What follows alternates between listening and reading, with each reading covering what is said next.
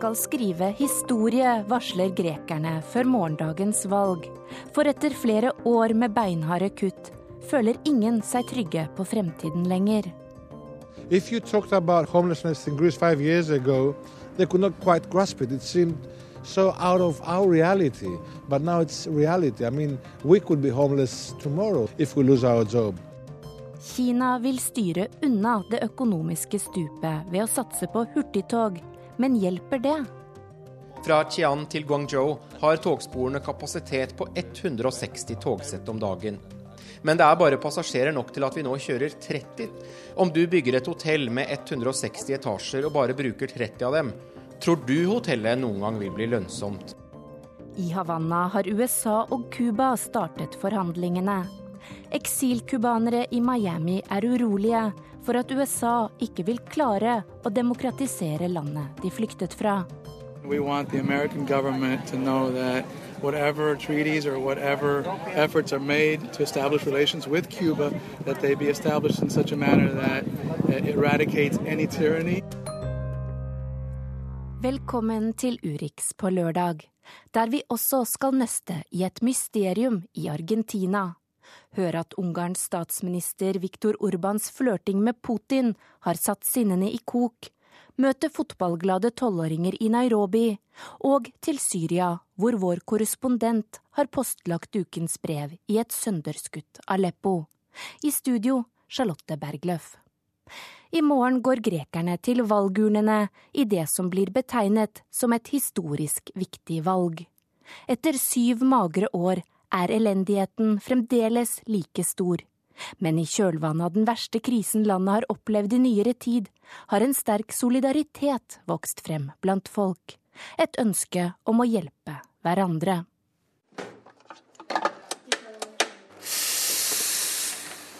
Duften av malte kaffebønner brer seg i lokalet. Siste hånd legges på verket før en kopp rykende varm cappuccino er klar. En liten nytelse i hverdagen, og spesielt for han som nå holder varsomt rundt koppen. Det er en god opplevelse, sier Argiris Getsilis. Hvis du ikke har jobb som meg, så kan du ikke engang kjøpe en kopp kaffe. Nå har jeg en sjanse til å drikke kaffe og si takk til den som betaler for dem, sier han. For han betaler ikke for den selv, men har hentet en kvittering ned fra veggtavla. Kafeen Mosquito er en av flere forstadskafeer i Aten, der folk kan betale for en ekstra kopp, slik at også de som ikke lenger har råd, kan komme hit og få et pusterom i hverdagen. In Greece, we, we love our coffees. I mean, coffee is a part of our social activities. It's not. It's, it's it's very simple, and many many Greeks are deprived now even of this little little beauty of life. Chris Elefantis snakker varmt om kaffens betydning for folk. Han har tatt initiativ til prosjektet. Tankegangen til organisasjonen Shedia er at folk ikke bare mister jobben når de blir arbeidsledige, de blir også isolert fra det sosiale livet. Det gjør noe med selvtilliten og med lysten til å gå ut av leiligheten, sier Chris.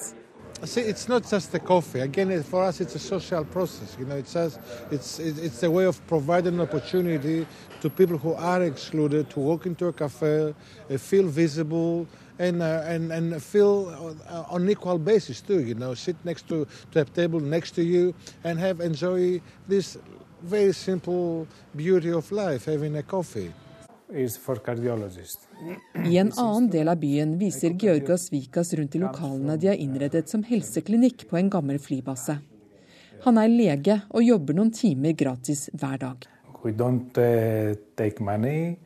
Uh, we don't accept money for uh, the medicines, for everything. Uh, everything to, to, to be here is um, donation. Alt de har av medisiner og apparater er donert fra utlandet eller fra andre grekere, og selv bruker han fritiden sin på å hjelpe folk i nød. Det er kanskje i helsesektoren krisen har vist seg som verst. Uten jobb står folk også uten helseforsikring. Dermed har de ikke krav på livsnødvendige operasjoner og medisiner. In, in this category of patients without insurance, in the last three years in Greece, we have many, many people to lost the, the life. We have many, many people who don't uh, had uh, to don't take the, med the medicines. Mikalis Rotsakis kunne ha vært i den statistikken. Nå er han på legesenteret for å hente nye hjertemedisiner, noe han ikke ville hatt råd til ellers. For me, especially because I have a very big problem in my heart, uh, it's maybe it's cost 500 per month. Jeg ville ha betalt 500 euro i måneden bare for legebesøk dersom jeg ikke hadde fått hjelp her, sier han. Rotsakis fikk hjerteinfarkt for to år siden og holdt på å dø. Men han ble operert på et offentlig sykehus, og regningen på 30 000 euro fikk han over skatteseddelen etterpå. Den har han ennå ikke betalt. I'm, I'm Jeg er ikke stolt som europeisk borger av å være greker, sier han. Tilbake på kafeen mener Chris at solidariteten har blitt sterkere med krisen. This is a small step forward to keep this tight bond between us, you know, and help each other as we as we struggle uh, for better days. Has uh, the Greek mentality changed when it comes to poor people? I'm sure it has. If you talked about homeless, homelessness in Greece five years ago, they could not quite grasp it. It seemed so out of out of our reality. But now it's reality. I mean, we could be homeless tomorrow, the next day. People realize that the next next month if we lose our job. Europakorrespondent Åse Marit Befring rapporterte fra Aten, og du er nå med oss direkte derfra. Hvordan er stemningen i Aten i dag? Jo, her er stemningen full av håp, men også en bønn om at det Alexis Tsipras lederen for Syrisa, som altså ligger an til å vinne valget i morgen, at han eh, kommer til å forsøke å gjennomføre det han lover. For han har jo store lovnader. Han eh, vil jo da reforhandle avtalen. Han vil be eh, troikaen om å kutte gjelden som de ikke klarer å bære. Slik at Jeg vil karakterisere stemningen her som et håp, men folk, eh, og der folk også har andre ideologier, eh, kommer til å stemme på dette partiet fordi de ikke ser noen annen mulighet. Grekerne de har jo snakket eh, de siste årene om både en grexit fra euroen og recovery. I hvilken retning vil han da ta landet med sin politikk? Ja, så Han eh, har sagt ganske tydelig at eh, dette handler ikke om vi skal være inni eller utenfor eurosonen. Eh, vi skal forbli i eurosonen. og Det er jo ikke heller noen politikk for hvordan man skal i så fall tre ut av eurosonen. Men i situasjonen som er nå, der Hellas har så høy gjeld at de ikke kan håndtere den, så mener han at man må få annet, en annen politikk. Og det er det han ønsker. Han mener at man må rett og slett eh, kreve å reforhandle den avtalen som er nå. Fordi at eh, man nå har kastet 60% av ungdommene ut i arbeidsledighet. Eh, nærmere 30% av befolkningen står uten jobb. 30% av grekere er fattige. Og slik kan man ikke fortsette lenger. Ja, for hva, hva kan konsekvensene nå bli etter valget, hvis han da vinner? Ja, Dette her kan jo bli eh, begynnelsen på en ball som begynner å rulle. Der Hellas eh, kommer til å kreve reforhandlinger.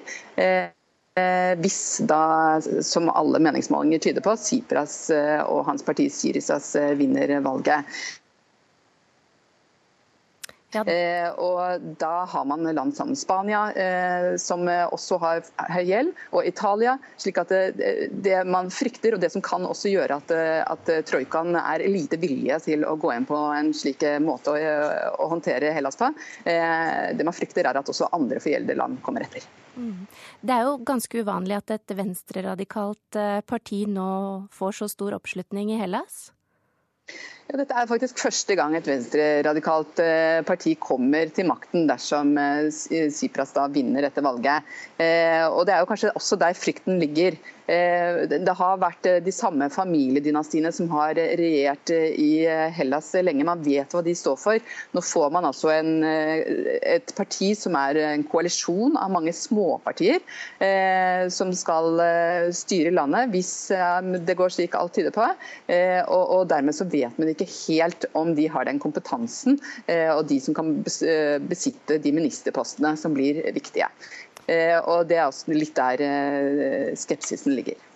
Tusen takk for at du var med oss, Marit Befring. Du følger valget videre i våre sendinger og på nett gjennom helgen. Og mandag kveld serverer Urix en fyldig analyse av valgresultatet på NRK2 klokken 22.30.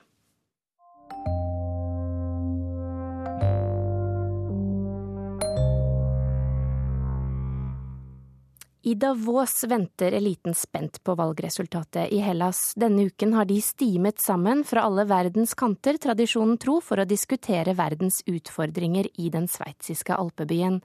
Og der er også du, reporter Tore Tollersrud. Du har fulgt forumet som avsluttes i kveld, og økt frykt for krig og krise har jo preget disse møtene i år. På hvilken måte?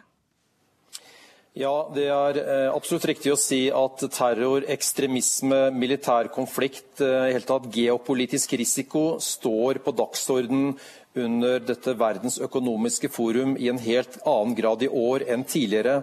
Vi ser det bl.a. på et eh, mye større nærvær av militære inne på kongressenteret i Davos. I går så møtte jeg Norges militære etterretningssjef Kjell Grandhagen der, eh, ute i minglesonen sammen med alle forretningsfolkene. Han skal i dag være med på et seminar eh, nettopp om eh, etterretning og risiko Eh, sammen med en tidligere britisk spionsjef. I går var Frankrikes president Hollande her, og han kom jo med direkte henstillinger til næringslivet, til store selskaper, om at de må hjelpe statene i kampen mot terrorismen. Han mener bl.a. at store teknologiselskaper skal, skal, hjelpe til å forhindre ekstremistene til å bruke internett. Han mener at de eh, må gjøre innsatser mot hvitvasking av penger, skatteunndragelser osv. Så, videre. så de forsøker nå å kneble dem på andre måter enn rent militært? Ja, absolutt. Eh, som sagt, Olan ber, ber de store selskapene om å, om å hjelpe til i, en, i et felles løft mot ekstremisme og, eh, og, terror. Og Vår egen utenriksminister Børge Brende har vært sentral i den forstand at han har ledet flere seminarer der nettopp terrorisme har, vært, har, vært, tema. President Barack Obama han friskmeldte jo i stor grad den amerikanske økonomien tidligere denne uken, men i andre deler av verden så ser jo analytikerne langt mørkere på fremtiden. Hvordan har det preget samtalene i år? Det har preget det veldig sterkt, fordi eh, eh, nok så sammenfalt jo Verdens eh, økonomiske forum i år med denne svært viktige beslutningen i Den europeiske sentralbanken som kom på torsdag. Eh, jeg var til stede i rommet når Tysklands forbundskansler Merkel var her. og Hun holdt en innledning, og det gjorde hun det er i fall sånn ifølge timeplanen skulle det skje akkurat parallelt med at Draghi skulle komme offentliggjøre sin beslutning i, i, Frankfurt.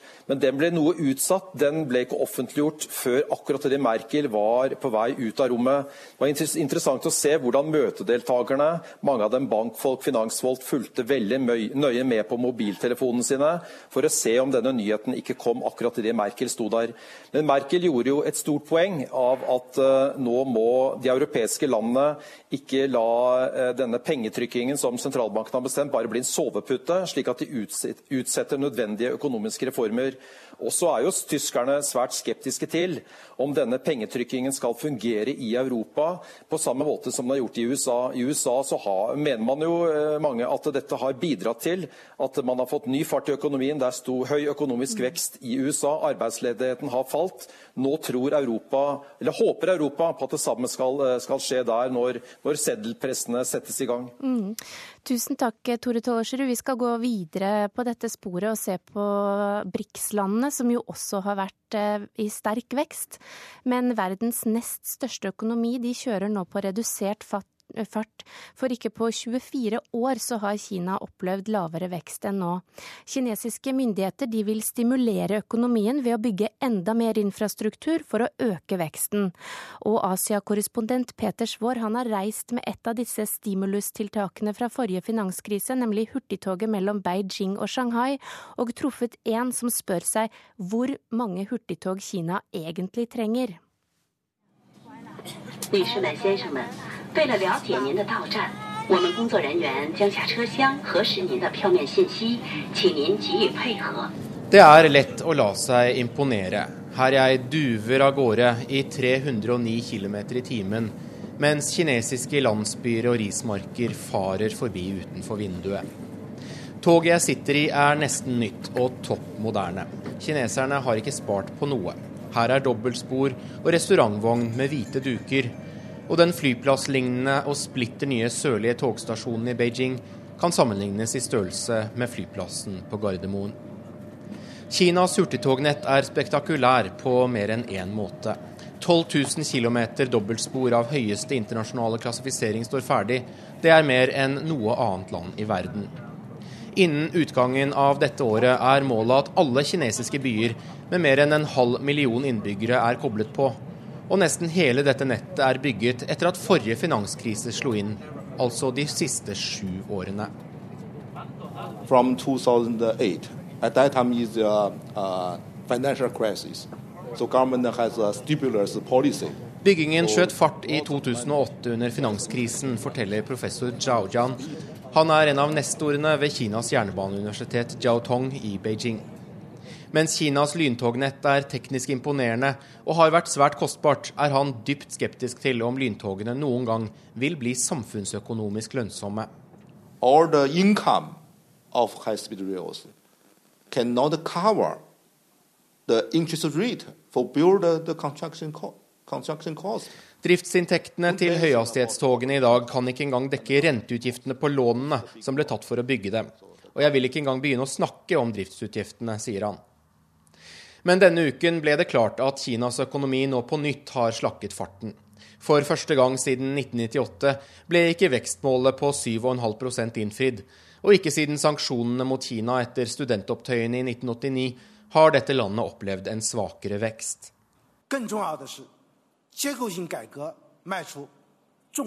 Vi har gjort fremskritt når det gjelder strukturreformene, men selvsagt vil Kinas økonomi fortsatt oppleve sterkt nedadgående press gjennom hele 2015, kunne statsminister Li Keqiang fortelle i Davos for noen dager siden.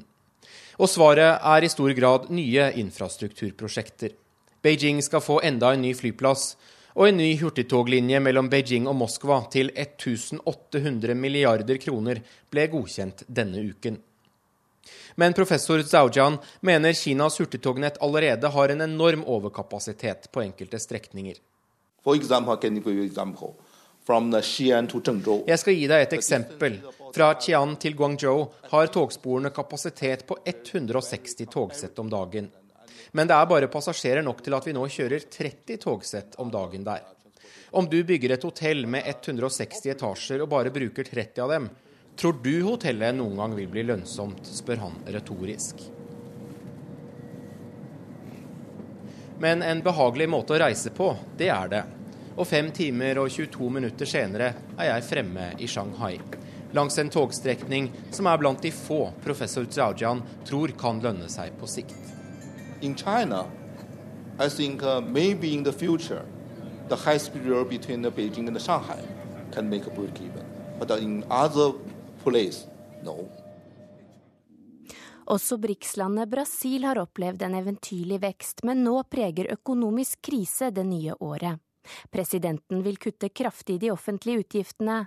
Det blir godt mottatt i finansmarkedene, men presidentens kjernevelgere er skuffet, rapporterer Arnt Stefansen fra Brasil. Politiet bruker sjokkgranater mot deltakerne i en demonstrasjon i Brasils største by, Sao Paulo. Demonstrantene viser sin misnøye med økte priser på offentlig transport. For halvannet år siden førte slike prisøkninger til at Brasil eksploderte i gateprotester med flere millioner deltakere. Nå er det bare noen tusen, men vi blir snart mange flere, sier talskvinne Erika de Oliveira. Vi håper at disse protestene griper om seg, at vi snart skal marsjere over hele byen, at vi skal markere oss i hvert fattigkvartal, i alle forstedene, på hvert gatehjørne. For den politikken som nå føres, er ikke for vanlige folk. Og derfor må vi demonstrere slik at politikerne skjønner hva de driver med, sier talskvinnen.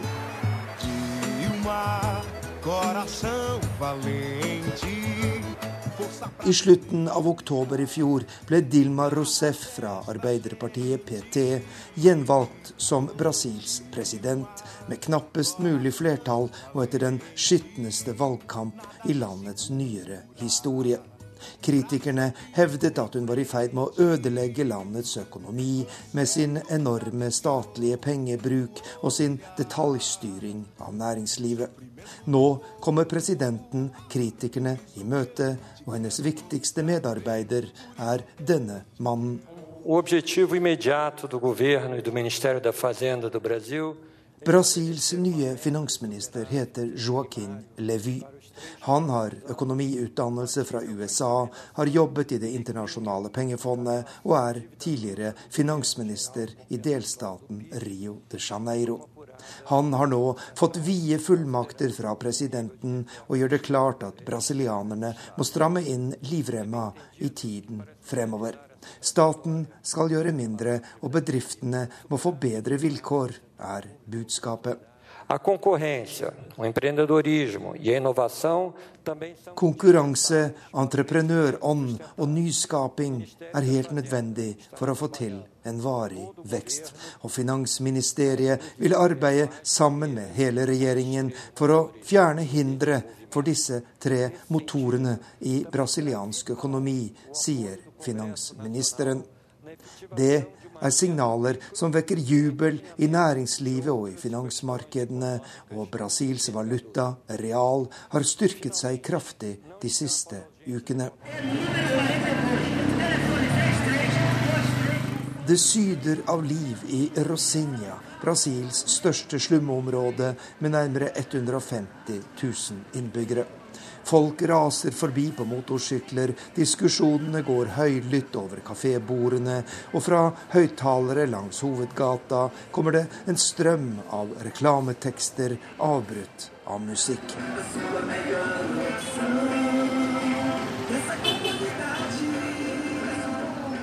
Men det livlige gatemiljøet stemmer dårlig med stemningen blant innbyggerne i Rosinha. Det store flertallet har stemt på Dilma Rousef og Arbeiderpartiet, og de føler seg nå ført bak lyset. Den 57 år gamle førtidspensjonisten Leila Albino er dypt bekymret for tiden som kommer. 2015 Jeg går inn i det nye året med frykt fordi jeg ser at det blir harde tider. Arbeiderpartiet, som har gjort mye for de fattige, er nå opptatt av at det skal bli lettere for de rike å tjene penger. Vi ser at prisene skyter i været. 15-20% prisøkning på ris, bønner og kjøtt. Viktige varer for folk flest, mens minstelønna øker med bare 9 Det blir et tøft år, og jeg er sikker på at mange vil gå ut i gatene og protestere, sier Leila Albino i favelaen Rosinha her i Rio de Janeiro. Mercado Preço Bom você vai encontrar preço baixo, qualidade e bom atendimento.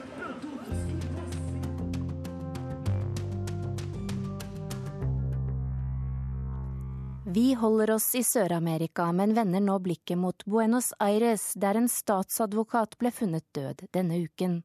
Selvmord var første teori, men Alberto Nisman ledet etterforskningen av to terrorangrep mot jødiske mål i den argentinske hovedstaden på 1990-tallet, der 85 mennesker ble drept. Denne uken skulle han legge frem sin rapport, og det var varslet rystende funn. Joar Ho Larsen har sett nærmere på saken.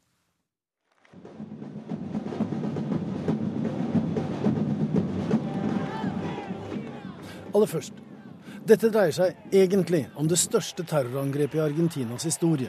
Da en selvmordsbomber i en Renault varebil den 18.07.1994 angrep det jødiske kultursenteret i Buenos Aires, kalt Amia, og 85 mennesker ble drept og hundrevis skadd.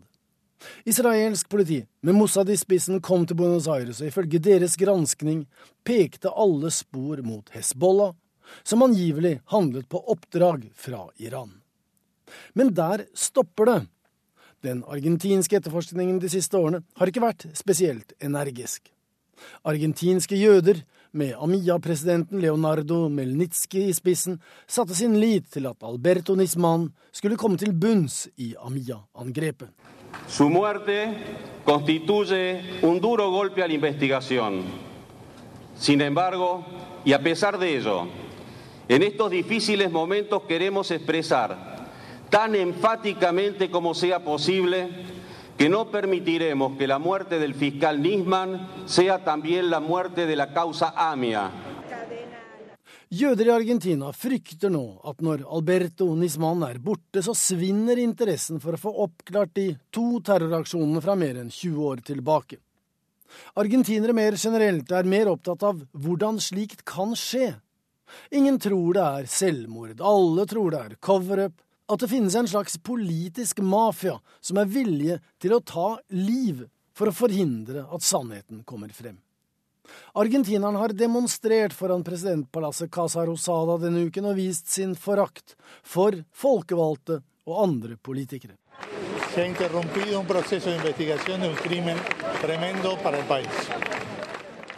Nisman skulle på mandag ha lagt frem dokumenter som angivelig kunne bevise at president Kristina har sagt seg villig til å renvaske de åtte iranerne som har vært ettersøkt gjennom Interpol siden 2006 i forbindelse med terror.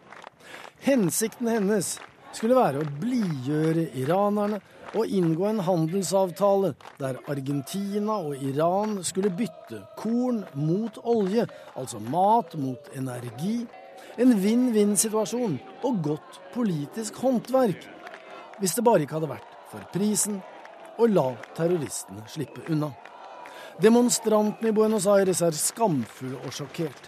De krever åpenhet og bærer plakater med påskriften 'Yo soy Nisman', med henvisning til franske ytringsfrihetsaktivisters 'Je suis Charlie' espantoso, me ha choqueado y me ha dejado muy mal. No he dormido en toda la noche, me ha hecho llorar, estoy desesperada con esto.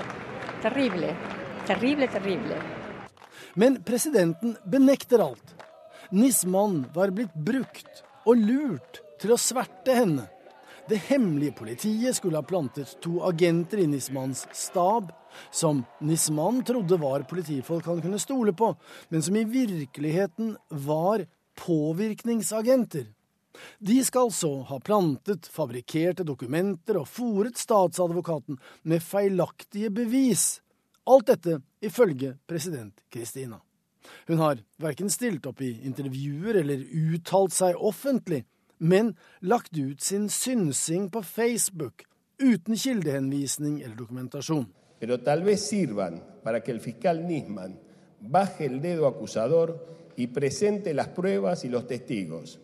Alberto Nisman var ingen populær mann i regjeringskretser i dagene før han ble funnet død. Utenriksminister Ektor Timmermann, som selv er jøde, var syrlig i sin kommentar, og sa at nå fikk Nisman slutte å peke ut syndebukker og heller føre vitner og legge frem bevis. Lo que nosotros decimos es que hay elementos de que a partir del año 83 se dan patrones comunes con lo que ha ocurrido acá y ante eso está esa posibilidad de infiltración que son Nisman, som vi hørte her, uttalte seg om sine teorier i forkant, men fikk aldri anledning til å legge frem de etterspurte bevisene. Søndag ble han funnet død i sin egen leilighet i fasjonable Puerto Madero. Døren var låst innenfra. Han var blitt drept av ett skudd mot hodet, og politiet fant bare én patronhylse på åstedet. Men var det selvmord? Noen dager tidligere hadde Nisman sagt til den prestisjetunge avisen Clarin at han kunne komme til å miste livet på grunn av det han visste. Han fikk rett om sin egen skjebne. Kan han ha hatt rett, også i påstandene om president Kristina? Og hennes angivelige forsøk på å tilsløre sannheten om terrorangrepene for å oppnå politisk og økonomisk gevinst. I Havanna startet forhandlingene mellom USA og Cuba denne uken. Målet er å normalisere forholdet etter 50 års isfront. Men spørsmålene er mange og vanskelige, og cubanske forhandlere sier USA ikke kan tvinge frem politiske reformer på øya. I Miami er tusener av eksilcubanere urolige for at USA ikke skal klare å demokratisere landet de flyktet fra. USA-korrespondent Tove Bjørgaas har møtt noen av dem.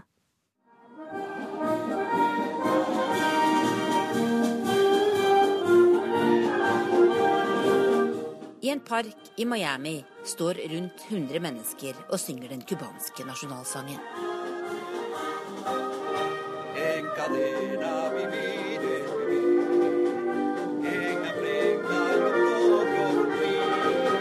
Å leve i lenker er å leve i skam, synger de mens de holder høyre hånd på hjertet.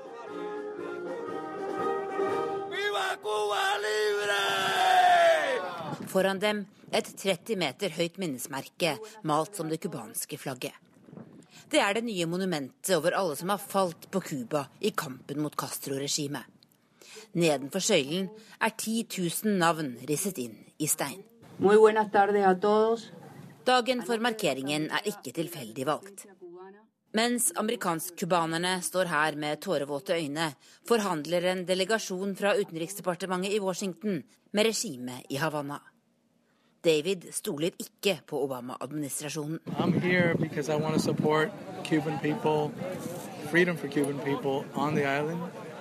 And we want the American government to know that whatever treaties or whatever efforts are made to establish relations with Cuba, that they be established in such a manner that eradicates any tyranny.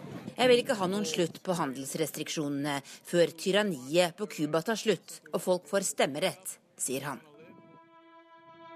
Sjokkmeldingen president Obama kom med 17.12, har splittet det cubanske miljøet her i Miami.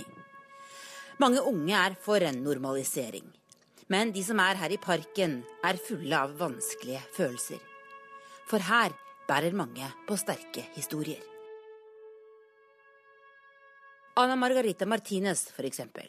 It's been a very emotional and difficult time um, because everything has just happened in a way that um, you know, it's just been very secretive and very behind the scenes. Det har vært en vanskelig måned. Det er så mye hemmelighetskremmeri, sier hun. We were together for four years. We were married for one year. He was, um, you know, playing stepfather to my two children. En februardag i 1996 sa mannen hennes at han skulle på forretningsreise. Tre dager senere dukket han opp i Havanna, der han i en TV-tale sverget troskap til Castro-regimet og nektet for at han hadde en kone i Miami. No no Juan Pablo Roques hadde vært pilot i det cubanske luftforsvaret før han flyktet til USA. Men nå viste det seg altså at han var cubansk spion. Yeah, it was it was a, a shock, and I was very traumatized, and I suffered with post-traumatic stress disorder for a long time. Jeg har forflyttet meg noen kilometer inn til sentrum av Miami. Til lille Havanna, der salsa fra en sprengt høyttaler akkompagnerer eldre menn som sitter ved små bord og spiller domino. Her finner jeg også en kvinne. En annen kvinne med en dramatisk historie. I came in 1962. I came in what was called Peter Pan expeditions. Patti Castille kom til USA som seksåring med det såkalte Peter Pan-programmet. When about 14,000 kids uh, left Cuba to come to the United States, uh, which supposedly at that time they they were saying that the kids were going to be taken from Cuba to go to Russia to become sort of indoctrinated and become sort of communist leaders. So a lot of parents uh, sent their kids here. Was sponsored by the um, by the Catholic Church here. 14 000 barn kom alene på 60-tallet med hjelp fra den katolske kirken. Foreldrene sendte dem fra seg fordi de hadde hørt at ungene skulle bli sendt til Sovjetunionen for indoktrinering, forteller hun.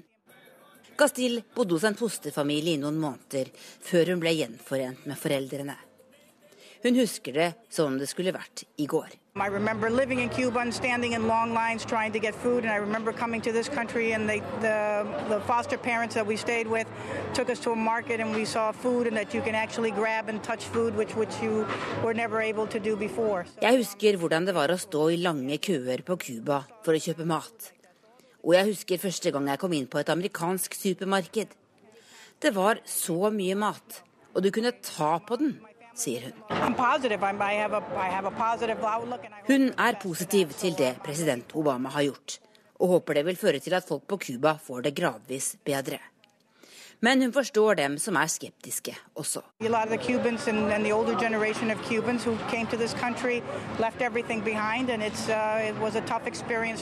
Mange eldre cubanere her rømte en gang fra alt de eide. De vil se et fritt Cuba før USA opphever restriksjonene, sier Castille.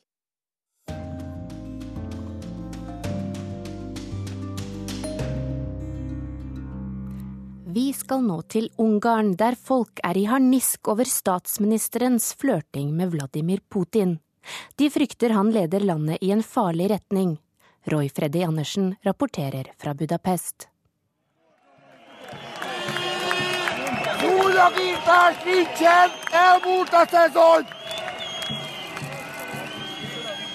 Det begynner å bli et vanlig syn. Igjen har tusenvis av mennesker samlet seg utenfor det storslåtte parlamentet her i Budapest i Ungarn. Folk roper slagord mot landets sterke mann, statsminister Viktor Urban og hans regjeringsparti Fidesz. 30 år gamle Gina Gønshi er en av dem som protesterer mot populære, men omstridte Urban. Det siste året har den nasjonalpopulistiske statsministeren lagt seg ut med bl.a. Norge og USA, og han har sagt at han vil gjøre EU- og Nato-landet Ungarn til det han kaller en ikke-liberal stat. Gønshi mener de mange demonstrasjonene er et tegn på at et politisk stemningsskifte er på gang her i Ungarn.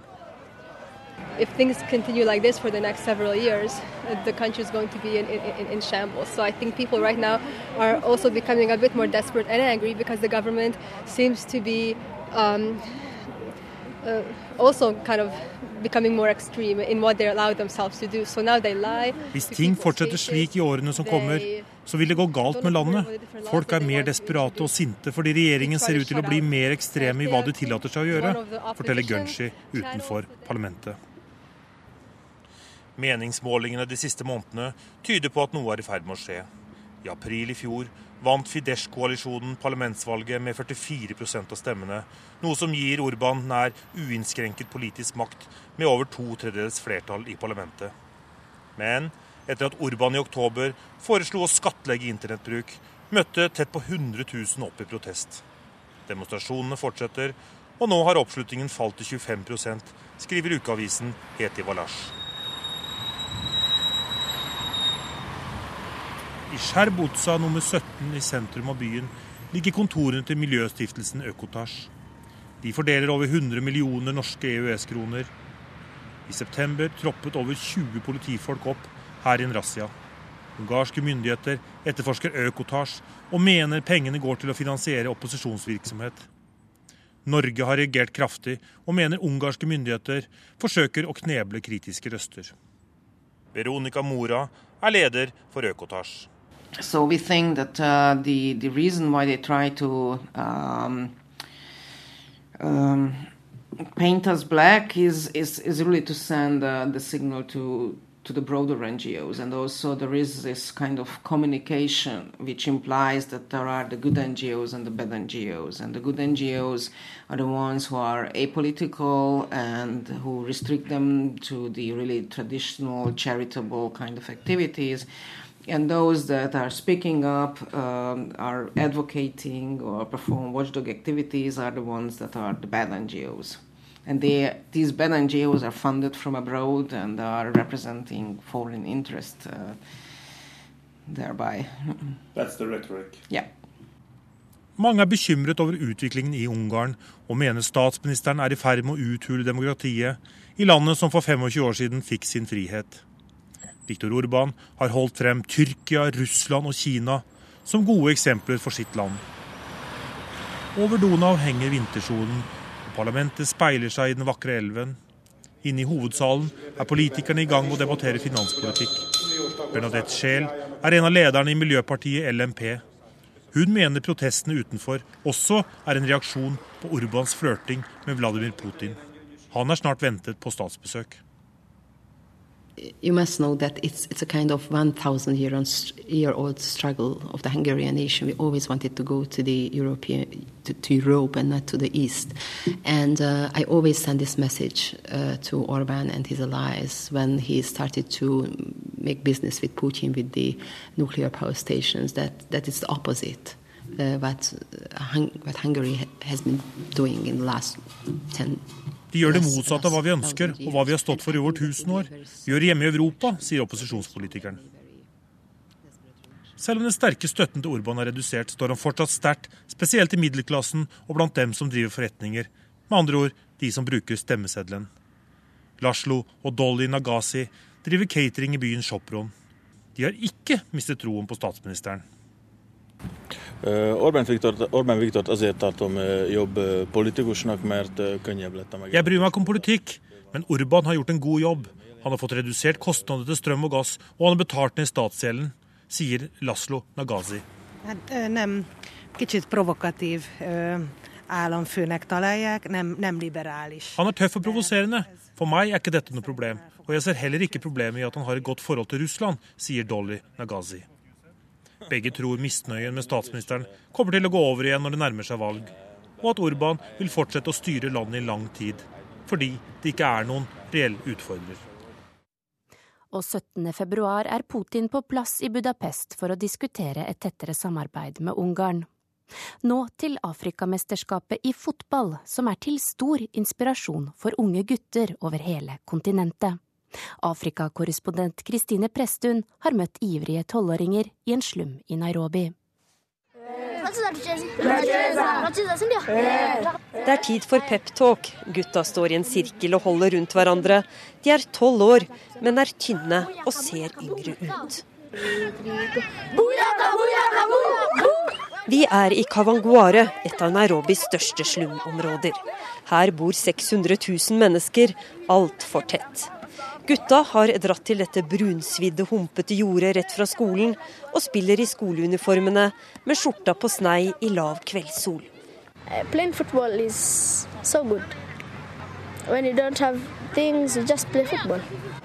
Ian er midtbanespilleren med et våkent blikk for det som skjer på banen. For disse gutta er fotball alt, og Afrikamesterskapet er høydepunktet. Spissen John følger kampene på TV for å lære seg noen nye triks av stjernespillerne. Men ebola holdt på å ødelegge hele mesterskapet. Marokko trakk seg som vertsnasjon grunnet frykt for epidemien. Turneringen arrangeres i stedet i minilandet Ekvatorial Guinea. Flere av spillerne er proffer og tjener millioner i Europa. Og unge John vil gjerne ha en rolle på drømmenes teater. To pray outside the country. They earn almost billions and millions. Treneren Dedden er veltrent og ivrig. Han bor også her i Kabanguare, og det var han som for ett år siden tok initiativet til å starte med fotballtrening i slummen. I wish you would see them like one year back. They were thin boys, but they have grown. Not only physically, but also mentally. They've grown as people. Du skulle ha sett dem for ett år siden. Da var de magre gutter. Men nå har de vokst både fysisk og mentalt, sier Dedden stolt. Han er lidenskapelig tilhenger av denne idretten, som kom til kontinentet med koloniherrene for over 100 år siden. Ifølge en god gammel myte hadde dr. Livingston med seg tre ting da han kom hit for å finne Nilens kilde. Et medisinskrin, en bibel og en fotball. The fact that we have players coming from the English Premier League to play in the African Cup shows how much respect the world has given to African Cup of Nations. Egypt har vunnet flest ganger. Nigeria vant for to år siden. Begge røk ut i kvalifiseringen. Kenya klarte ikke å kvalifisere seg i år heller, så treneren håper at Ghana vinner hele turneringen.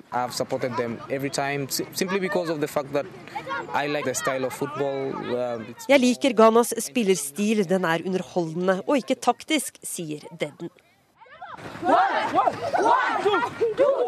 Ballen har for lite luft, men kapteinen har selvtillit nok. Jeg er kaptein. Jeg har disiplin and I am the best boy in class to read. Jeg ble valgt som kaptein fordi jeg har disiplin og er den flinkeste gutten i klassen til å lese, forteller Steve, som tror at laget hans kan nå langt. Det skal ikke stå på treneren. Han vil gjøre alt han kan for å skape nye fotballstjerner av guttene fra slummen i Nairobi.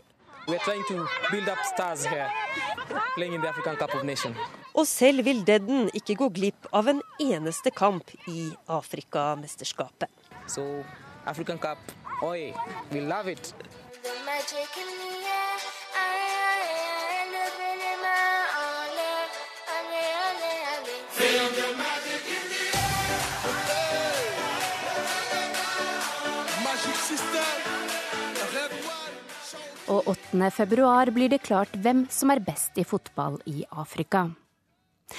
Denne uken har vår Midtøsten-korrespondent Sigurd Falkenberg Mikkelsen vært tilbake i Syria, der borgerkrigen herjer på snart fjerde året. Ukens brev er postlagt i sønderskutte Aleppo. Det ligger der fortsatt. Baron Hotel i Aleppo.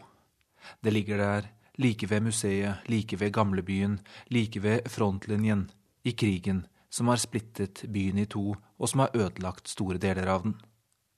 På trappa i vintersola sitter eieren, en snart tannløs armener ved navn Armen Maslumian. Han kan snakke fransk eller engelsk, det er opp til meg, eller egentlig ikke, for han velger seg engelsk, selv om han egentlig ikke har så lyst til å prate. Det er bare elendighet å prate om. Det er verre enn døden, dette her. Gjester, om vi har gjester. Vi har mennesker som bor her. Mennesker, men ikke gjester. Bare flyktninger som har søkt tilflukt her. De betaler 100 dollar i måneden for et rom. Kona hans er en velstelt eldre kvinne med halvlangt hår og rouge i kinnene, som bærer på et voldsomt sinne. Det er forferdelig her, vi har folk som spiser hjerter og hjerner, vi skal ta og sende dem tilbake dit de kom fra, til dere i Europa, dere som har sendt dem, pakke dem pent inn og sende dem tilbake. Jeg tenker at det vel ikke var i Europa dette startet, og sier at det vel ikke går an å skylde på enkeltmennesker for storpolitikkens gang. Folk og regjering er det samme, det er dere som har valgt dem, er det ikke? Ordene hennes klinger av sinne, men også av frykt. Det er 100 år siden tyrkernes folkemord på armenerne i år. Et folkemord som gjorde de overlevende landflyktige, og spredt over hele Midtøsten. Nå truer en ny fare, en fare med forskjellige navn, den islamske staten, Nusra-fronten, den islamske hæren osv. Forskjellige navn på samme trussel. Dette er ikke abstrakte størrelser, det er væpnede grupper som holder til noen kvartal bortenfor hotellet, på den andre siden av frontlinjen som går tvers gjennom gamlebyen. Det er der jeg kommer fra. Jeg har blitt ledet gjennom byens smug og kontrollposter av Haider, en regjeringssoldat og nå veteran i denne borgerkrigen. Såret fem ganger, men ikke sliten, ikke han, selv om det bleke ansiktet og de sorte ringene under øynene forteller en annen historie. Her inne i gamlebyen er hver lille butikk ødelagt, knust eller brent ned. Soldatene forteller at det var opprørerne som gjorde det før de trakk seg tilbake, men hvem vet vel egentlig hva som har foregått her i krigens hete. Området sto på verdensarvlisten, akkurat som Umayyad-moskeen like bortenfor, uten at det gjorde noe fra eller til da krigen kom. Haider beveger seg fort og smidig. Han kjenner dette området og roper når det skal dukkes eller løpes fort. Det er stort sett hver gang vi er i åpent lende, for dette er snikskytterområdet nå. De ødelagte leilighetene, husene og bygårdene. Det mangler ikke på steder å gjemme seg, og siden frontlinjene her ikke lenger beveger seg, terroriserer de hverandre med å drepe i smug. Her så jeg to menn bli drept, sier han, og drar meg inntil veggen for at jeg ikke skal havne i siktlinjen. Kanskje, eller kanskje ikke, ligger noen med et kikkertsjikte og en langtrekkende rifle på den andre siden og venter på et lite steg. Bare et lite steg til. Det går en stund før jeg skjønner hva som er så underlig der inne, bortsett fra at jeg beveger meg fra ruinhaug til ruinhaug i det som en gang var et levende område med handel og turister. Men med ett slår det meg. Det er stillheten. Det er ikke en lyd å høre der, bare våre skritt og våre stemmer og et og annet skudd, noen langt borte, andre mye nærmere. Sadiq, sier Haider, venn. Det er hans soldater som skyter. Ikke noe å bekymre seg over, med andre ord. Ikke for oss, i hvert fall. Det er en grunn til at Armen og kona er fortvilet og sinte. Ryker denne forsvarslinja, vil byen bli overrent av opprørsstyrker, og ingen vet lenger helt hvem de er og ikke hva de vil gjøre. Skrekkbilder på YouTube som opprørslederen som spiste et menneskehjerte, sammen med fantasien, propagandaen og alle historiene som fortelles, gjør at myndighetene får frie hender til å slå tilbake. På denne siden av frontlinjen er det som om tønnebombene regimet slipper over deres gamle naboer i øst, ikke finnes. Kanskje hvisker de noe om dette til hverandre på kveldstid, men ingen snakker til meg om den delen av konflikten. Vi måtte dra fra landsbyen vår da IS kom. En av brødrene mine er i hæren. Vi måtte dra, sier Malek, en tenåring med forsiktig hårvekst på overleppa. Han har bodd på Baron Hotel i sju måneder nå. på ett rom sammen med moren og faren. Moren stikker hodet ut når vi prater sammen for å forsikre seg om at jeg ikke tar bilde av sønnen. Dette var jo en gang et berømt hotell, og mange berømte folk bodde her, men ingen av dem bryr seg lenger med dette hotellet eller hva som skjer her, sier han. På naborommet bor en kvinne som dro fra en flyktningleir med barna sine, og ved flere av rommene står billige plastsandaler i alle størrelser og farger, og innenfor lyder barnestemmer og barneskrik. Du er svensk, ikke sant? Vi hadde kong Gustav Adolf på besøk her da han var kronprins, og nesten alle Syrias presidenter har bodd der, sier hotelleier Armen. Jeg hadde spurt ham om han kunne fortelle litt om hotellets historie. En historie jeg selv kjenner ganske godt, for dette besøket på Baron Hotel er også et møte med meg selv. Et møte med en 28 år gammel frilansjournalist som like etter at amerikanerne hadde invadert Irak, begynte å utforske Midtøsten, først Iran, så Syria, og noen uker etter dro jeg til Bagdad som om jeg måtte sakte søke meg rundt før jeg kunne dra inn i det som da var stridens kjerne. Nå har krigen kommet hit også, delvis som en konsekvens av den krigen som brakte meg til Midtøsten, i første omgang. Jeg tror ikke det er tilfeldig at jeg endte opp her, på Baron Hotel. Jeg hadde ikke råd til å bo her, men dro hit på besøk, fordi det var et vestlig holdepunkt, et imperialismens minne, og dermed også en del av min arv, riktignok en veldig fjern del. Kanskje jeg ventet meg at hotellet skulle fortelle meg noe, åpne opp et rom i min forståelse av meg selv og området jeg reiste i. Plakatene på veggene er i dag enda mer falmet enn den gang. Reklame for hurtigtog fra London til Bagdad. En for flyselskapet KLM, en annen på fransk der det står at hotellet er L'unique hotel de la première classe à Alep. Og ikke nok med det, de har sentralfyring. Sentralvarme. Som jeg lengter etter sentralvarme og det etter bare to dager i byen, 100 år etter at disse plakatene ble trykket første gang. Jeg sitter på et moderne hotell litt lenger oppe i byen, Hotell Pullman, og skriver dette, men fingrene er stive av kulde der de prøver å treffe riktig bokstav på tastaturet, og jeg blåser frostrøyk til frokost. Om natten sover jeg med ullgenser og stillongs. Det koster like mye å bo én natt her som for en hel familie en måned på Baron Hotel, men strøm til å varme opp rommene har de like lite her som i resten av byen. Og for mange har denne vinteren blitt en kamp for å overleve, for å holde kulda på avstand. Aller mest gjelder det for de internt fordrevne, de som har blitt flyktninger i eget land. Det er over sju millioner av dem, og minst elleve mennesker har frosset i hjel så langt i år. Da jeg besøkte en studentboligblokk som var blitt hjem for tusenvis av flyktninger, grep en mann fatt i ermet mitt og ville vise meg hvor han bodde. Jeg syntes han gikk litt stivt, litt robotaktig. Det var fuktig i gangene han ledet meg gjennom. Badene luktet, og tøy ble tørket overalt. Murene var svartflekkete av mugg. Dette er ikke et sted for familier, tenkte jeg, men de har da i det minste tak over hodet. I hvert fall nesten. Jeg har bare en balkong, jeg bor på en balkong, sa han. En smal balkong hvor det akkurat var plass til to køyesenger. De hadde hengt opp en plastpresenning som vegg, men det snødde inn da snøstormen kom her tidligere i januar, og her bodde han sammen med kone og to barn. Kona gråt da hun prøvde å fortelle hvordan hun hadde det. Ikke med en gang, men etter at vi hadde stått og pratet i noen minutter. Tårene trillet nedover kinnet, og hun tok av seg brillene for å tørke dem bort. Jeg var en rik mann, jeg hadde to fabrikker, forklarte han igjen og igjen.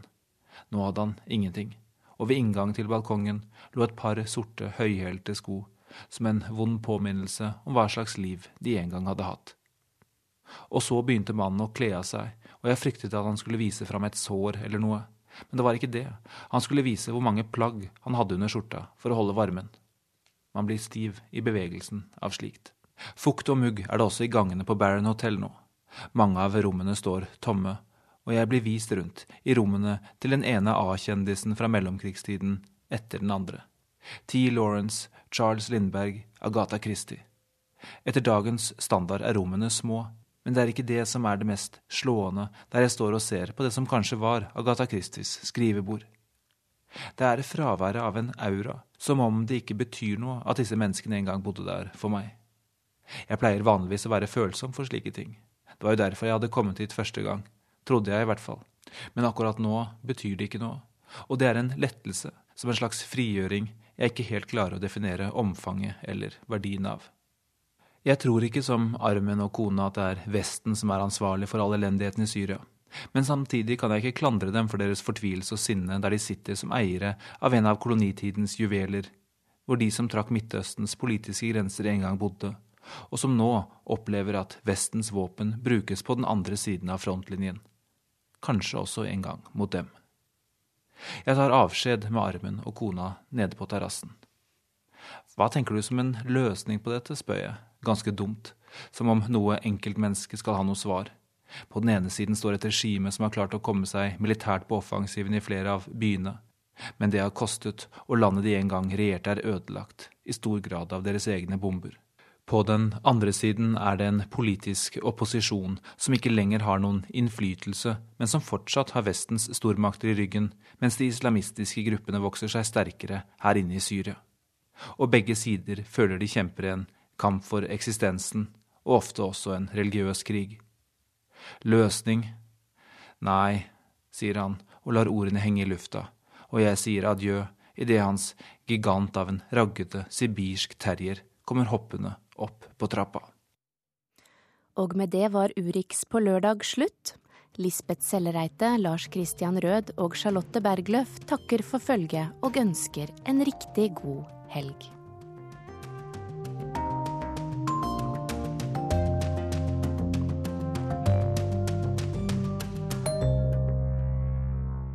Hør flere podkaster på nrk.no podkast.